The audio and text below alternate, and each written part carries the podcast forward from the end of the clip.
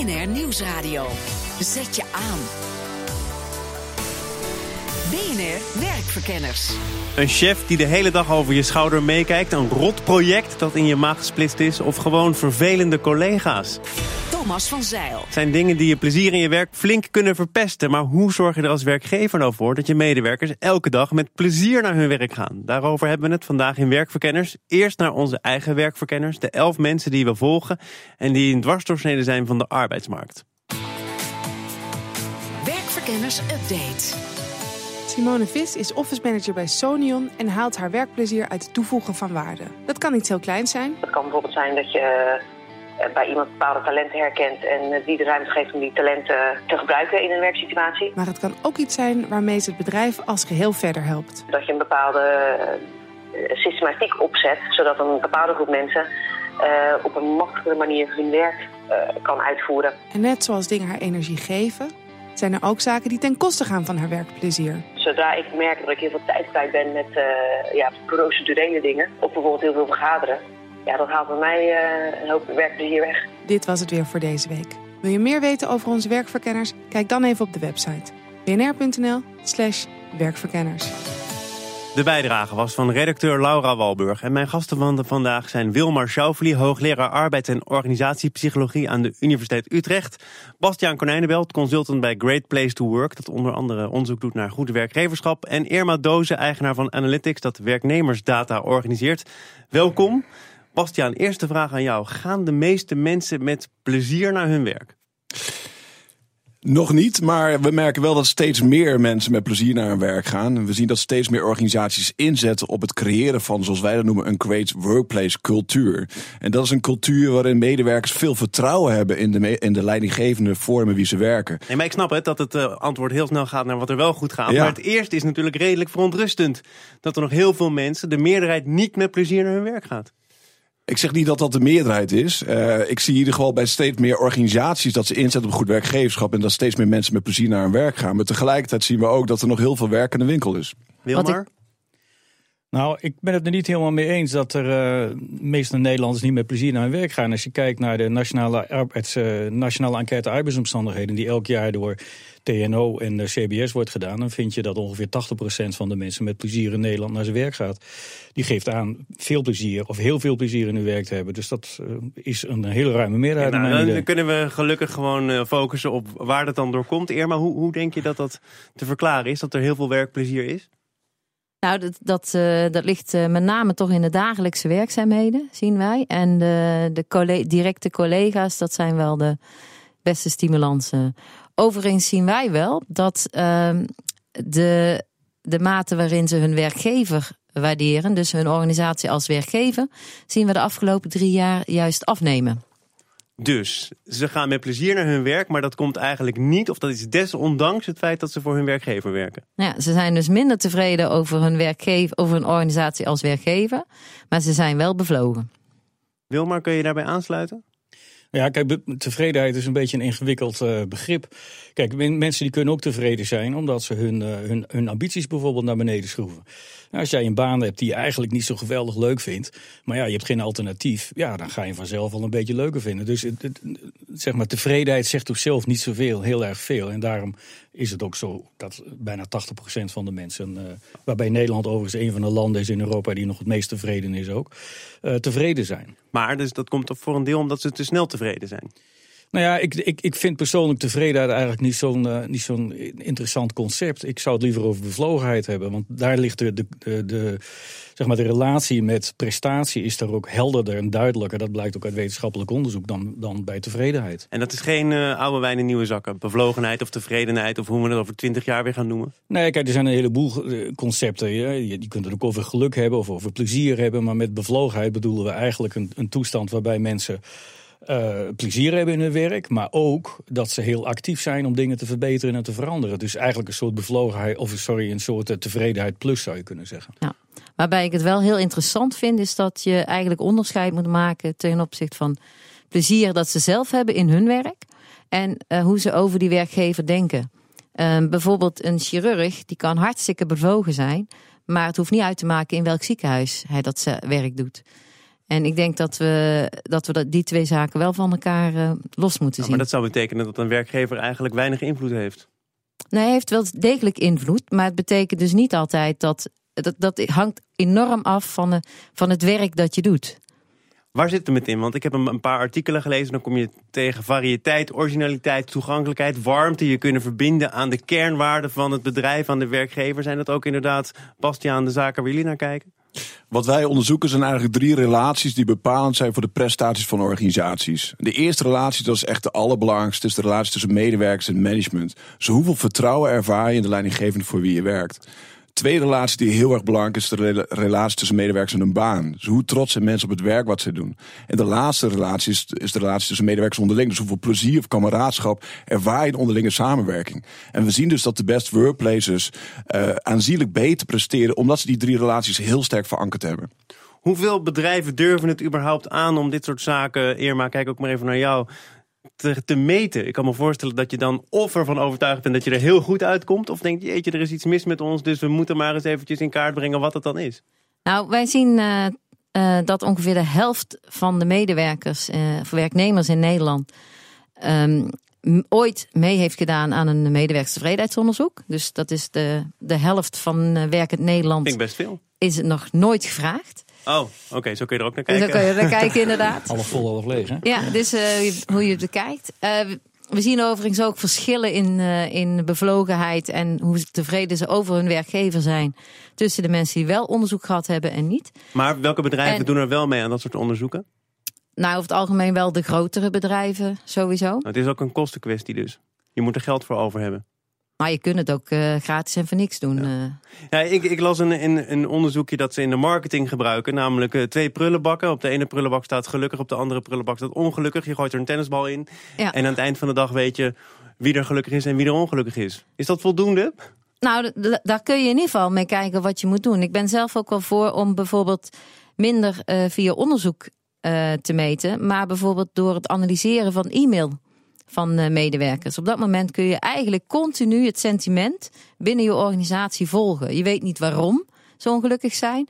Maar je weet wel precies, bijvoorbeeld tijdens een reorganisatie, hoe het sentiment verloopt. En dan kun je in ieder geval ook inspringen. Terwijl wat wij nu soms horen is, we wachten nog een half jaar met meten, want we hebben net een reorganisatie achter de rug. Nog heel even hoor, want dan kijk je dus naar e-mailcontact van je werknemers. Moeten we dat allemaal maar goed vinden? Ja, er zit natuurlijk een stukje privacy aan, maar het gaat geheel anoniem. Maar je kunt inderdaad uit, eh, uit hoe mensen schrijven. Het blijkt echt dat we, als we vrolijk zijn, anders typen, zeg maar, dan wanneer we eh, een, een, een niet zo leuke dag hebben. En op, op de basis daarvan kun je dus inderdaad een, eigenlijk een voorspelling maken van het sentiment. Gebeurt al jaren, zeg maar, online. Ja, nou hebben we het over tevredenheid of over bevlogenheid. Eh, Wilmar, ik las een publicatie van jou waarin je zegt... ja, bevlogenheid, als je in een kippenslachterij werkt... heb je helemaal geen bevlogenheid nodig. Je- Het is ook maar net in welke omgeving je zit. Ja, het hangt er natuurlijk inderdaad vanaf. Je, je wilt graag eh, wel een, een, een bevlogen iemand hebben als die, eh, als die chirurg is, bij wijze van spreken, maar niet per se. Eh, als, die, als die impact. Maar het is wel zo dat eh, ik denk, en dat, dat blijkt ook wel uit onderzoek, dat de bevlogenheid van de meeste mensen, ook in dat soort eh, productiefuncties, of ook als mensen in een winkel staan, dat die wel degelijk meer bevlogen kunnen zijn door zaken die net ook zijn genoemd. Alleen Maar zal waar dat blijkt niet. dat dan uit? Als iemand die op een impactfunctie zit meer bevlogen is, wat doet hij dan? Nou, dan, dan, dan heeft hij een betere relatie met zijn collega's. Dan vindt hij het werk wat hij doet zinvoller. Kijk, je kunt ook op verschillende manieren naar je werk kijken. hè. Als jij in een ziekenhuis eh, schoonmaakt, de vloeren mopt... dan kun je zeggen, ja, hoe, hoe ik maak de boel die schoon. Je kunt ook zeggen, ik draag bij aan de betere hygiëne... en dus aan een, eh, een beter ziekenhuisklimaat... en aan de, het herstel van patiënten. Je moet je missie een beetje breder opvatten dan. Ja. Ja, nou ja dat, is, dat is een van de dingen die eh, ja, tegenwoordig wordt er wel jobcrafting genoemd. Dus de manier waarop je zelf naar je werk kijkt, eh, dat maakt ook wat uit. En dat kan ook eh, een onderdeel van de organisatiecultuur zijn. dat is wel een beetje Ja. chronische overschatting, toch? Ik maak de wereld een beetje schoner als je uh, Nou, ik denk dat aan het bent. Dat weet ik niet. Ik denk dat een heleboel mensen. Kijk, mensen die vuilnis ophalen, mensen die het plantsoenen eh, eh, schoonmaken, die leveren een heel erg belangrijk werk. Alleen wordt dat niet altijd door iedereen evenveel gewaardeerd. En ik vind zelf ook wel dat daar best wat meer voor waardering voor mag komen. En daar kunnen mensen er ook gewoon trots op zijn. Bastiaan, Ja. dat is dus die trots. Eh, Dat is inderdaad die trots. Ehm, je ziet dat, eh, ik, ik ben het helemaal eens met wat je zegt. Je wil bevlogen medewerkers creëren die in excellente organisaties eh, werken. En het trotsgevoel wat medewerkers ervaren. Dus trots op, de, op het eigen werk, maar ook trots eh, op het werk wat je met het team verzet. En ook het imago van de organisatie. Die zijn ontzettend belangrijk voor het werkplezier wat mensen ervaren. Als ook in de effectiviteit in hun werk. Hoe schop je het als kleine detacheerder tot een van de beste werkgevers van Europa? Zometeen meer. Nieuwsradio. Zet je aan. BNR Werkverkenners. Hoe ze het doen, doen ze het. Maar managersopleider Ormit Group pakt de ene na de andere prijs op het gebied van goed werkgeverschap. Eerder deze maand werd de detacheerder uit de beeld verkozen tot een van de beste werkgevers van Europa. En wij stuurden verslaggever Higo Krant de zo gelauwerde werkvloer op, benieuwd als we waren naar het geheim. U werkt hier al? Hoe lang? Uh, anderhalf jaar. Nou, er is mij als verslaggever gevraagd om neer te zetten waarom het hier zo'n geweldige werkvloer is. Waarom iedereen het hier zo naar zijn zin heeft. Daar voel ik mij als kritische journalist een beetje ongemakkelijk bij. Um, dus eerst even een kritische noot. Wat kan er hier beter? Oeh, ik denk vaker trakteren. Meer lekkers op tafel. Ja, ja want er staat helemaal niks lekkers op tafel. En wat gaat er zo geweldig hier? Ik persoonlijk vind het altijd heel erg fijn om met iedereen samen te werken. Dat, dat is voor mij de unieke sfeer hieraan. Er wordt genoeg gelachen, maar er wordt ook hard gewerkt. Waardoor je aan het eind van de week wel kan zien van oké, we hebben en lol gehad. En we hebben weer heel veel dingen verzet. En dat is voor mij een hele mooie combinatie. Ja. Is er ook iemand eh, met een kritische noot, een echt kritische noot? Probleem Nee. Nog goed gedeeld. Ja. Nee, er heerst hier gewoon een angstcultuur. Jullie durven niks te zeggen. Ja, hier, ik kom even bij u. Uh, je wordt hier met name in de, in de VIP je, er wordt al op je doorgevraagd. Een makkelijk, de VIP? De VIP zijn de, de mensen die uh, tussen twee opdrachten zitten. Er wordt meestal niet met een simpel antwoord uh, genoegen genomen. Als jij zegt, gaat goed, beetje matig, maar wel goed, dan wordt er doorgevraagd. En dan uh, moet je jezelf wel vaak openstellen. En dat is niet altijd even chill. maar maar uiteindelijk wel, ben je erbij gebaat? Uiteindelijk wel, ja. Het is een familie hier. Ja, dat vind ik altijd zo'n makkelijk woord. Ik zie het meer als een mooi, uh, mooi vast dispuut. Ja, dat ja. het is wel een beetje een verlengde studentenvereniging soms, ja. ja. ja. Dank jullie wel. Dank jullie wel. Nick Hogendoorn, u bent adjunct-directeur bij Ormet. Ik ben benieuwd, waar staat die prijs? Waar staat die beker? Die staan al bij de receptie waar iedereen ja. binnenkomt. Uh, Zullen we er even heen lopen? Lopen we er even heen. Ik ben wel benieuwd wat je nou krijgt als je het zo goed doet als uh, werkgever. Nou, dat zijn veel, uh, ja, noem het diploma's, certificaten, mooi ingelijst. Ik zie het hier, zevende plaats, derde plaats, tweede plaats. En daarboven, helemaal boven, eerste plaats. Ja, en ja, daar hangen er nog een paar. Dat is hartstikke mooi aan de muur. Ja. Maar wat moet je ermee? Ja, goede vraag. Ja, het is fijn dat je die erkenning krijgt. We willen er op zich niet zo mee pochen, maar... Het doet mij een beetje denken aan zo'n ploeg die op het EK dan de Fair Play prijs krijgt. Omdat ze heel weinig gele kaarten hebben gekregen. Maar de vraag is of ze daar het toernooi mee winnen. Wint u hier de oorlog mee? Ja, want het is onze overtuiging dat alleen het mensen het verschil maken. En juist omdat onze mensen zo bevlogen en betrokken zijn, leidt het uiteindelijk tot betere prestaties, tot tevredenere klanten en daarmee ook gewoon dat we het als bedrijf veel beter doen. Dat klinkt mooi en ook logisch, maar er zijn natuurlijk heel veel bedrijven die dat ambiëren. En dan vraag ik me toch af, wat is nou die briljante insteek die jullie hebben, waardoor jullie toch net die prijs winnen en dat andere bedrijf niet? Wat wij heel specifiek doen bijvoorbeeld is in overal in de hele organisatie vragen wat goed gaat. Dat koesteren, dat gebruiken als hefboom om de dingen die beter kunnen aan te pakken met elkaar. En dat elke keer blijven herhalen, blijven herhalen, eh, dat is denk ik heel erg belangrijk. Verslaggever Higo Krant voelde zich overduidelijk thuis bij het verlengde studentendispuut Ormit Groep. Ook een goede werkgever. Bij mij te gast zijn Wilmar Schaufeli, hoogleraar arbeids- en organisatiepsychologie aan de Universiteit Utrecht. Bastiaan Konijnenbelt, consultant bij Great Place to Work. En Irma Doze, eigenaar van Analytics. Irma, Higo zei net, ja, het is net alsof je de Fair Play Cup wint. Kun je bedrijven niet het beste motiveren mee te doen aan een medewerkers- of een bevlogenheidsonderzoek door te zeggen dat het ook echt gewoon harde knaken oplevert aan het eind van de streep? Nou, ik weet niet of dat uh, altijd voor de medewerkers zo geldt, maar het is wel uh, gebleken, zeg maar, dat het uiteindelijk uh, de bedrijven die het beter doen op dit gebied ook betere resultaten halen. En, dat is toch de beste reclame voor een medewerkerstevredenheidsonderzoek? Ja, maar het is ook andersom. Hè. Medewerkers werken ook graag bij bedrijven die het goed doen. Dus uh, daar hebben we altijd de kip-ei discussie. Maar uh, ja, absoluut. Uh, om mee te doen ehm, of om een onderzoek uit te voeren, dat helpt je te verbeteren, helpt uiteindelijk ook je resultaten. Beter. Dan horen we hier ook weer in deze reportage dat het zo goed voelt. Nog net geen familie, maar wel buitengewoon gezellig en persoonlijk. Wat doe je daar nou als werkgever aan? Want heel veel hangt dus af van onderlinge relaties. Ja, als die niet in orde zijn, wat dan? Nou ja, kijk, eh, ik denk dat dat eh, nog de makkelijkste, nog de makkelijkste Oh ja. is. Ja, onderlinge relaties kun je beïnvloeden. Kijk, het is veel lastiger als je ontzettend veel werk moet doen en je hebt heel weinig middelen, omdat er te weinig personeel is, om maar eens even iets te noemen. En dan is een blik personeel uit, eh, opentrekken is toch wel wat moeilijker en wat lastiger. En grijpt wat meer in in je werkprocessen. Dus op zichzelf, aan sociale relaties, kun je een heleboel doen. In die reportage werd net ook al aangegeven dat er op de positiviteit wordt ingezet. Nou, een van de dingen die gratis en voor niets is, is geef mensen wat vaker positieve feedback. Vertel ze ook de dingen die goed gaan. Het werkt geweldig motiverend en kost heel weinig. Als je dit probleem nu zelf opwerpt, hè, bijvoorbeeld een te hoge werkdruk, kan je dan ook de oplossing zelf even presenteren? Nou ja, dat, dat, dan wordt het ingewikkeld met die, bijvoorbeeld met die werkdruk. Kijk, omdat als de werk, wat je nu bijvoorbeeld in de zorg en in het onderwijs ziet, dat er gewoon heel veel moet gebeuren, of steeds meer moet gebeuren met steeds minder mensen. Ja, dat is, dat is dan een, hele grote uitdaging. Je kunt dan, dan zoeken in het efficiënter gaan werken. Nou, dat kan door inzet van, van ICT-middelen en dat soort dingen, door slimmer te gaan werken. Maar er zit ook Bevlogen mensen willen natuurlijk juist op dat moment meer doen dan ze eigenlijk kunnen, of niet? Ja, maar goed, maar dat, dan, dan is zo'n zo'n verstikkende werkdruk is dan wel een, een probleem. En dan gaat het erom van hoe pakken we dat met z'n allen aan? En hoe gaan we daar ook in de sociale zin goed met elkaar om? En dan maakt het wat uit of, die, of je in een team werkt wat ruzie heeft en wat elkaar de zwarte piet toespeelt. Of je zet er gezamenlijk de schouders onder, hoe moeilijk dat dan ook is. Ja, want bevlogenheid zien we wel ook dat het echt ook een effect heeft op de mate waarin mensen elkaar willen helpen.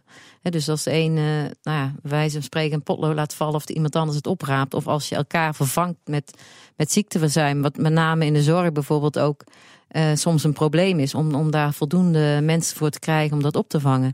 Werkt, en dan dat helaas ook, eh, werkt dat helaas ook andersom als er iemand zeurt over zijn werk of zijn werkgever, dat iemand anders daar makkelijk in meegaat? Ja, dat, dat zien we wel. Dus op het moment dat mensen echt klagen hè, over hun werkgever, dan kan dat ook een soort concentratie creëren van, van negativiteit. Dus eh, dat is absoluut een eh, belangrijk eh, besmettelijk. aspect. Bastiaan, ook great places to work komen Mhm. af en toe waarschijnlijk in de problemen. Stel dat ze inderdaad eh, personeel tekort hebben, er moet te veel gebeuren.